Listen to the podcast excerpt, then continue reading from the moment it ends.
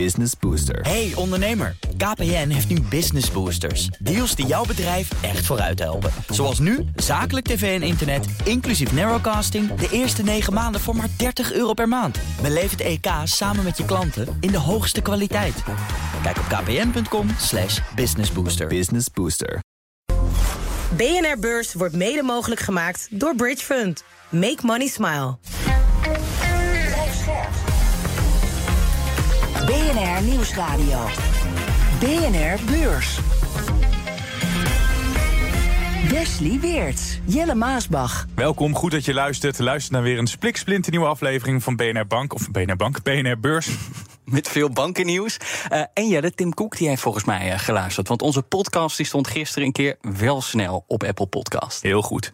Woensdag 29 maart, op de dag dat Ralf Hamers uit Landsbelang opstapt bij UBS. Breaking news just moments ago Sergio Armati is back at the helm of UBS. Ralph Hammers has agreed to step aside. Remember, he came to serve as a CEO on the 1st of November 2020. So less than three years later, Sergio Armati is back. Straks uiteraard alles over dat vertrek en de gevolgen voor UBS en andere banken.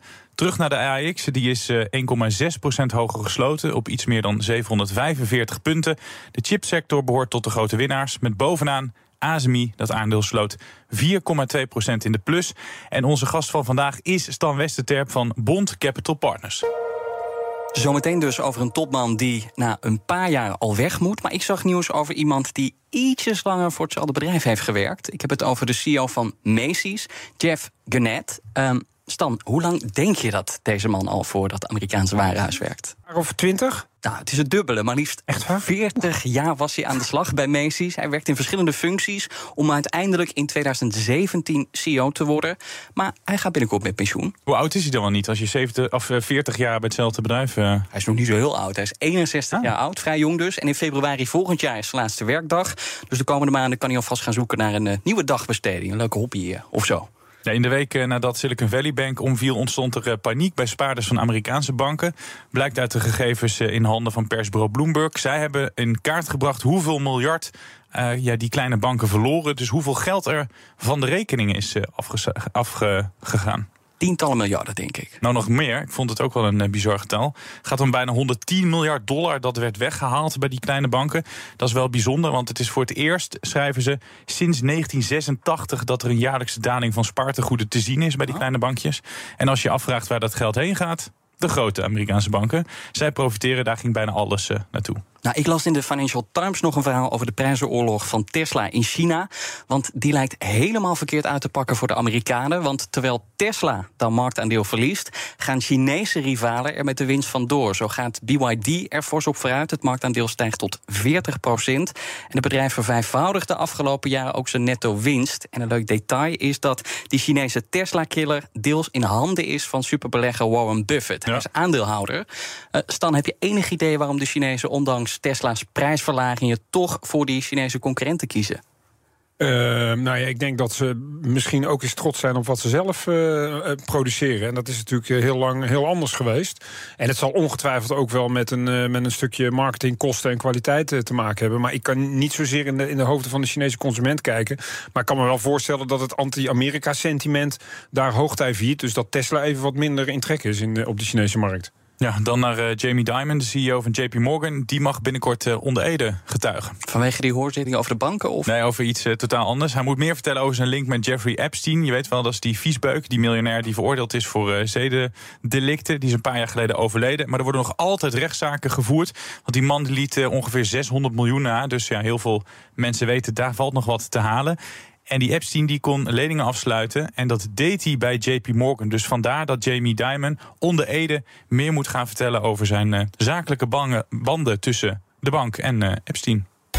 Precies 30 jaar geleden ontstond de socialistische markteconomie in China. Reden voor een feestje of is het einde nabij?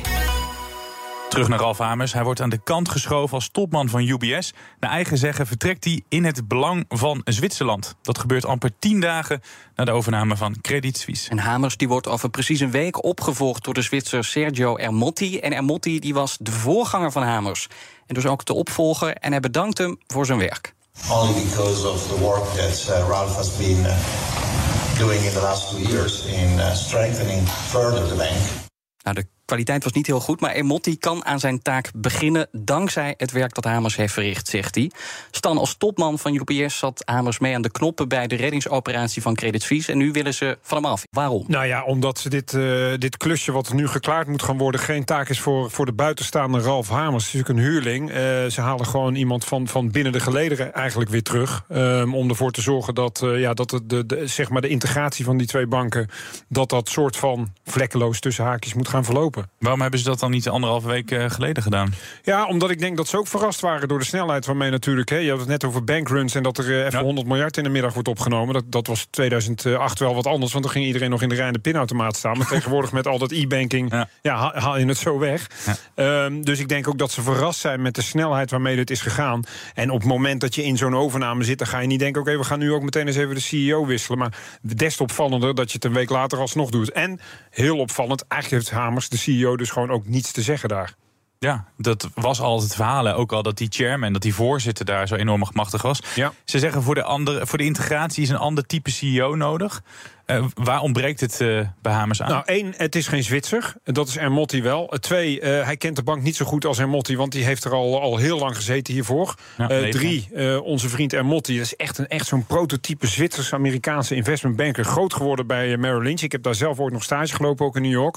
Ja, dat zijn echt ja, voor lekker voor better word haaien. Die weten heel goed hoe, uh, hoe de markten werken. En het is een beetje een old-fashioned bankier. Hij doet mij een beetje denken, als ik hem zie aan die, die, die, die Zwitserse bankier uit de Wolf of Wall Street.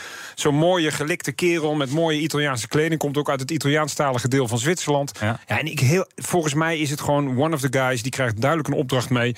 Zorg ervoor dat we zonder al te veel kleerscheuren deze twee banken kunnen integreren. En hij heeft natuurlijk veel krediet. Dus ook de ontslagrondes die gaan vallen. De, saneer, de sanering die gaat komen. Ja, dat moet toch iemand doen met aanzien. Ik denk dat hij daar beter voor geëquipeerd is dan Ralf Hamers. Maar voor Hamers is het wel een dreun voor zijn reputatie. Want hij zat er nog geen 2,5 jaar en moet nu al weg. Wat, wat betekent ja. dat voor zijn carrière? Ja, dat is een goede vraag. Maar ik denk toch dat dit meer collateral damage is. En dat je dit Ralf Hamers niet echt kan aanrekenen natuurlijk. Uh, hij, hij, heeft natuurlijk in principe goed werk afgeleverd bij ING. Hè. Hij is ook binnengehaald bij UBS voor innovatie en technologische uh, doorgroei, zeg maar. Mm -hmm. Maar ja, als je nu ineens twee van die, van die giganten moet gaan integreren...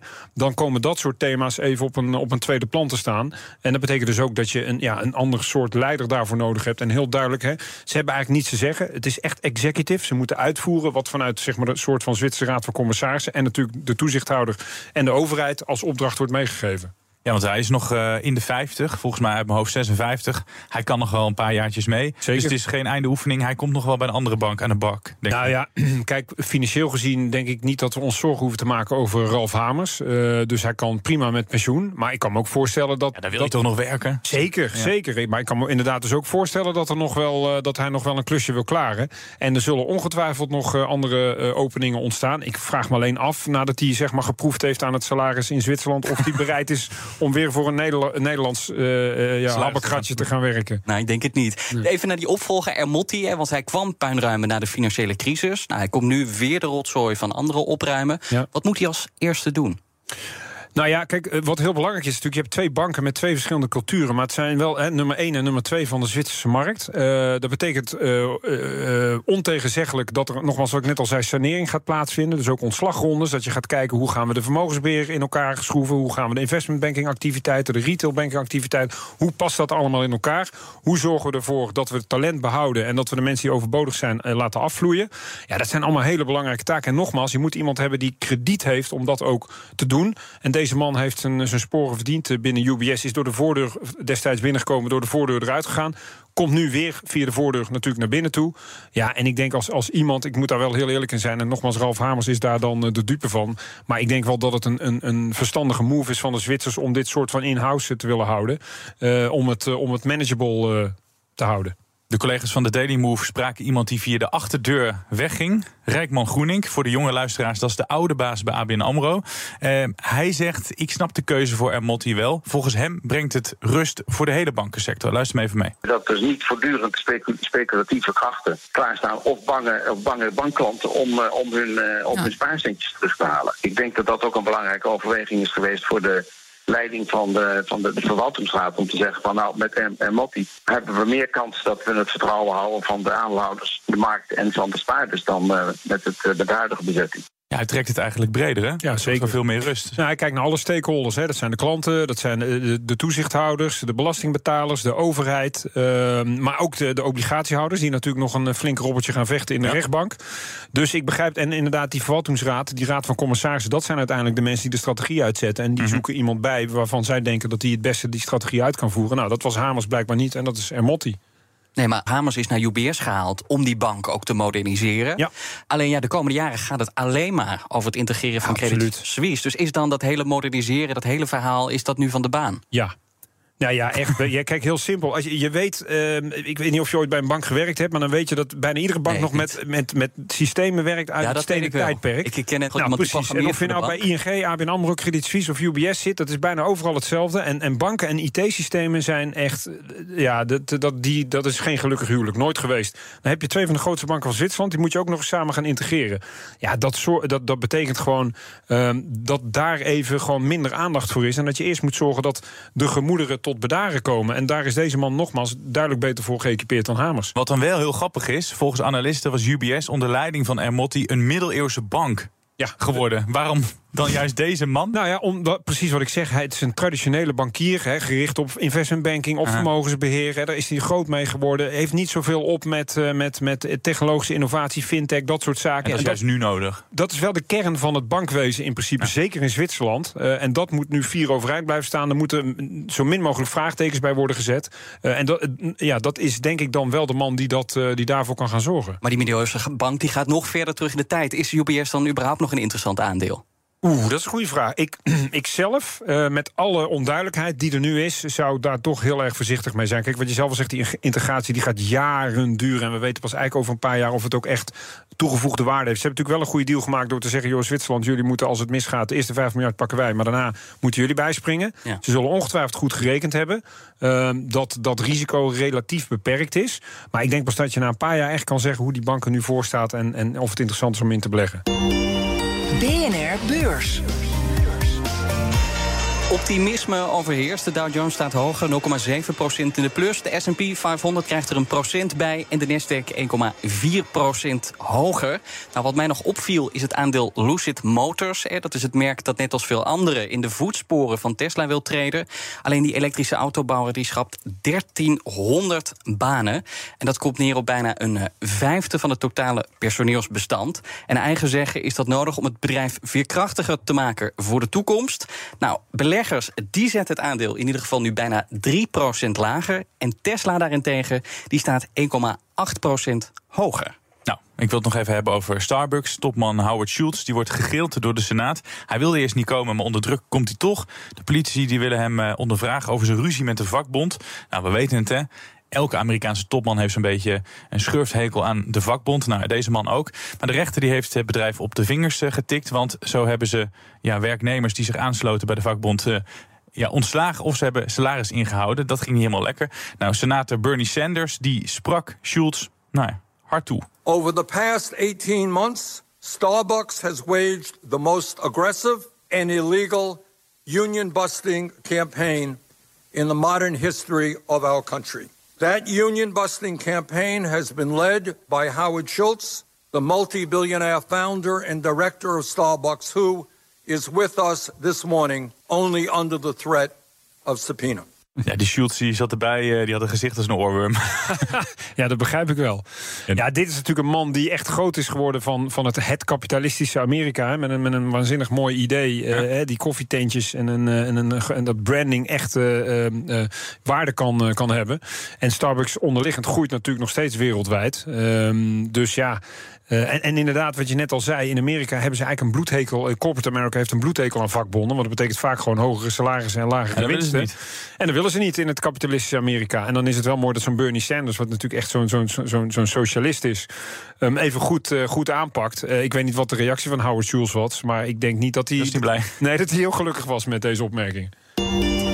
BNR Beurs. Is een mooi bruggetje naar eh, China, want dat blaast 30 kaarsjes uit. Dat wil zeggen de economie. Op 29 maart 1993 ontstond namelijk de socialistische markteconomie. Dat is een belangrijk moment, zegt John Boy Vossen, China-kenner. Hij legt uit hoe het land opklom van planeconomie naar wereldmacht. Dat had best een groot effect op de economie. De economie van China groeide best wel hard. Dat werd ook nog een keertje geholpen door 2001, dat jaartal. Want daar, toen werd China lid van de WTO, de Wereldhandelsorganisatie. Toen zagen heel veel andere landen dat China toch wel betrouwbaar was. Dus ze gingen ze veel meer inzetten op handel met China. Nou, toen kwam het befaamde double-digit uh, cijfer voorbij. Dus China kreeg op een gegeven moment een groei elk jaar van meer dan 10% En dat zette zich eigenlijk de jaren daarna door. Zeker tot 2010. Toen haalden ze Japan ook in. Dat was op dat moment de tweede wereldeconomie. Dat werd dus vanaf 2010 werd dat China. En analisten en de experts dachten, nou, als ze Japan eenmaal hebben ingehaald, wanneer halen ze Amerika in? Nou, toen ging het gerucht dat het misschien 2030, 2035 zou zijn. Nou, dat werd op een gegeven moment zelfs naar 2028 gehaald. Alleen vanwege corona werd dat op een gegeven moment wel iets wat lastiger. De economie had best wel wat te maken daarmee, kreeg best wel wat klappen. Ja, nu is het eigenlijk de vraag, hoe gaat ze zich verder ontwikkelen? Gaat de Chinese economie inderdaad binnen nu en 10, 15 jaar de Amerikaanse inhalen? Ja, dat gaat afwachten zijn hoe China omgaat met de huidige problematiek. Onder andere met de vergrijzing, maar ook de huizenmarktbubbel. Als, als China daar mogelijk oplossingen voor vindt, kan het zijn dat China misschien alsnog binnen nu en 10, 15 jaar Amerika inhaalt als grootste wereldeconomie. Je hoorde China kennen John Boy Vossen. Stan, is het inderdaad nog haalbaar dat ze over een decennium Amerika hebben ingehaald? Nou, ik, ik had een weddenschap met een collega van mij al drie jaar geleden dat China Amerika, eh, Amerika dit decennium zou inhalen. Toen kwam corona en eh, ik denk dat ik dat niet meer ga redden. Maar eh, als je ziet de snelheid waarmee eh, China groeit eh, ten opzichte van de VS. Ja, dan kan je er bijna mathematisch uh, je, narekenen dat het inderdaad binnen 10 tot 15 jaar wel moet gaan gebeuren. Ja. Ja, maar toch, uh, Amerika zal alles doen om dat te dwarsbomen. Dat zien we nu met ASML, dat zagen we eerder met uh, Huawei. Ja. Heeft dat dan effect? Kunnen ik, ze het nog denk, afremmen? Ik denk niet dat het zozeer gaat om, uh, om wie heeft de grootste economie... maar meer wie loopt er technologisch en, ja. en, en, en, defensief zeg maar, voorop. Ehm, Uh, want kijk, het land is natuurlijk gewoon een, een slag groter qua inwoners dan, uh, dan, uh, dan Amerika. En als ja. de middenstand nog verder opkomt en de, Amerika, of de Chinese politiek omarmt dat nog meer, ja, dan ga je er gewoon een keer voorbij. Maar dat geldt ook voor andere economieën in de wereld die een keer groter gaan India worden. bijvoorbeeld. Precies, India, misschien Nigeria op termijn ooit nog wel eens. Hè. Die gaan ook richting een miljard mensen in 10, 20, 30 jaar tijd. Ja. Maar goed, dat is allemaal nog heel ver weg. Uh, jouw vraag was inderdaad Amerika versus China. Wat heel duidelijk is, is dat Amerika natuurlijk wel uh, probeert China uh, te stoppen op bepaalde gebieden. Omdat ze het gewoon als gevaar zien. Uh, en dat begrijp ik tot op zekere hoogte ook wel weer. Ik begrijp ook heel goed dat de Chinezen af en toe als door een wesp gestoken reageren. Maar het waren niet alleen de Amerikanen die het China moeilijk maakten. Want ook de regering zelf, die ja. koos bijvoorbeeld een hele harde aanpak voor die techsector. Is de regering niet gewoon de grootste bedreiging voor die koppositie? De Chinese regering zelf? Ja, maar zij denken zo niet. Uh, zij, zij hebben natuurlijk de befaamde vijfjarenplannen in, uh, in China. Dus zij, uh, en, en sterker nog daar voorbij. Dus ze zien gewoon een, een stip aan de horizon en daar gaan ze naartoe. Um, en dat dat met, met vele uh, swings naar, bo naar boven en naar beneden gaat... ja, dat interesseert ze eigenlijk niet zoveel. Als je alleen nog kijkt hoe ze de coronacrisis hebben aangepakt... natuurlijk heel anders dan andere landen. Maar die prijs waren ze bereid om te betalen. Ja, stond de economie niet voorop. Nee, absoluut niet. En toch zijn ze dan beter ten halve gekeerd dan ten hele gedwaald. Ze zijn nu omgedraaid. Ze hebben dan wel die, die, alsnog die enorme virusaantallen naar binnen gehaald. Maar nu gaat het weer langzaam open. Hè. Ook Alibaba is daar een goed, goed voorbeeld van. Dat Jack Ma ineens weer ten tonele ja. verschijnt. Dat ze zeggen, we gaan het bedrijf opsplitsen. Nou, op beurskoers omhoog. Dat zijn wel positieve signalen dat China toch langzaam weer de deuren begint te openen. Ja, want dat waren inderdaad de opvallende dingen die deze week gebeurden. Uh, gebeurden. Jack Ma die was, uh, die kwam in één keer terug. Hè? De verloren zoon die, die kwam weer terug in China. Alibaba gaat zichzelf opsplitsen in zessen. Zegt dat wat over die koers van de regering? Zijn ze ook echt van koers veranderd? Nou, laat ik eerlijk zijn, ik ben daar altijd heel voorzichtig mee met dit soort landen. Het zijn niet de landen die uh, de beste track record hebben op dat gebied. Uh, een collega van mij zegt altijd: China is geen vriend van de belegger. En dat geldt voor meer landen, zeg maar, in, uh, die een ja, communistisch regime hebben.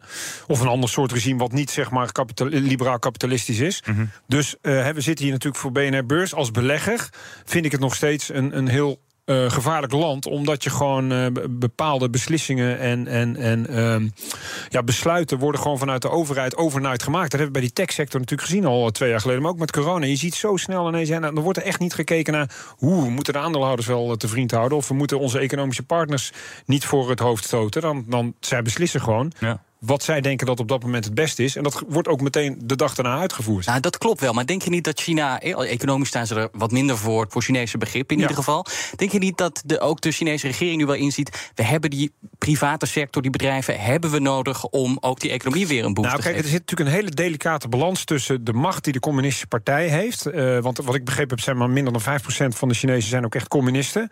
ehm, en eh, het volk wat daaronder hangt. Kijk, en zolang het volk tevreden is, lees, economische groei heeft en ziet dat de generatie die hierna komt het nog steeds beter heeft dan de generatie die, eh, die er nu zit, dan blijft de communistische partij aan de macht. Dus dat is ook meer het lange termijn plan volgens mij wat ze hebben. Hoe zorgen we ervoor dat op lange termijn die, eh, die economische groei, die, eh, onderliggend, dat die robuust is. Ehm, en dat is denk ik nog veel belangrijker dan de, de korte termijn beslissingen die ze nemen. Met alle goede bedoelingen van dien. Eh, maar de, ja, de Chinezen denken wat dat betreft gewoon echt anders. Het gaat veel meer over macht dan over, over echt continue economische ontwikkeling. Nog even kort, jij als belegger, met welke vlag sta jij te wapperen? Is het de Chinese of de Amerikaanse? Met andere woorden. Waar beleggen we liever in? Ja. Amerika, ja, dat heb ik net al gezegd. Het, het land is gewoon eh, heel anders ingericht. Het is veel meer vriendelijk voor, voor beleggers. Die en- moeten en dus ook de grootste economie eigenlijk blijven. Ja, eh, mm, nou ja, kijk, Amerika heeft ook jarenlang geprofiteerd natuurlijk van, eh, van de Chinese opkomst. hè, De productiekamer van de wereld. Ik bedoel, eh, als, we, als we China niet hadden gehad, hadden wij nu niet zulke relatief goedkope iPhones gehad. Ik noem maar wat. Dus wij goedkoop. nou ja, daarom zeg ik relatief. Ik wist al dat, dat mensen gaan stijgen. Hè? Nou ja, weet je hoe vaak je dat ding gebruikt? En dan reken je terug wat je ervoor ja. betaald hebt. En wat je er allemaal mee doet. Maar goed, dat is een andere discussie. Ehm, nee, het, Amerika is wat dat betreft voor beleggers... het is en blijft het eh, beloofde land. En dan kijken we wat er morgen op de agenda staat. Er komt weer een groot bedrijf met kwartaalcijfers. Het gaat om kledingketen H&M. Het bedrijf heeft een zwaar jaar achter de rug. Door de flink gestegen kosten, het vertrek uit Rusland en een reorganisatie daalde de winst. En in het vorige kwartaal leed H&M zelfs een verlies. En dan naar nieuws uit Autoland. Want eerder kwamen Volkswagen en BMW met beloftes over elektrisch rijden. En ook bij concurrent Mercedes-Benz staat een vergadering op de planning... die gaat over de groene toekomst van de autobouwer. En tot slot komt het Duitse CBS met een inflatierapport. Dit was hem helaas. We moeten afscheid nemen van Stan Westerterp van Bond Capital Partners. Stan, ja, de luisteraar heeft het niet gezien, maar je staat hier ondanks je gebroken vinger... sta je gewoon eh, lachend in de studio. Ja, ik kom graag weer een keer terug. Waarvoor dank. Eh, ja, voordat we helemaal afzwaaien, een tegeltjeswijsheid van Corné van Zijl uit zijn boekje. Ingesproken door collega Emma. En deze keer een tip over het eh, in bezit houden van een aandeel. Wanneer je niet van plan bent om een aandeel 10 jaar bij je te houden, moet je het ook niet kopen voor 10 minuten. Tot morgen. Tot morgen. BNR Beurs wordt mede mogelijk gemaakt door Bridge Fund. Make money smile. Business Booster. Hey ondernemer, KPN heeft nu Business Boosters. Deals die jouw bedrijf echt vooruit helpen. Zoals nu, zakelijk tv en internet, inclusief narrowcasting... de eerste 9 maanden voor maar 30 euro per maand. Beleef het EK samen met je klanten in de hoogste kwaliteit. Kijk op kpn.com slash businessbooster. Business Booster.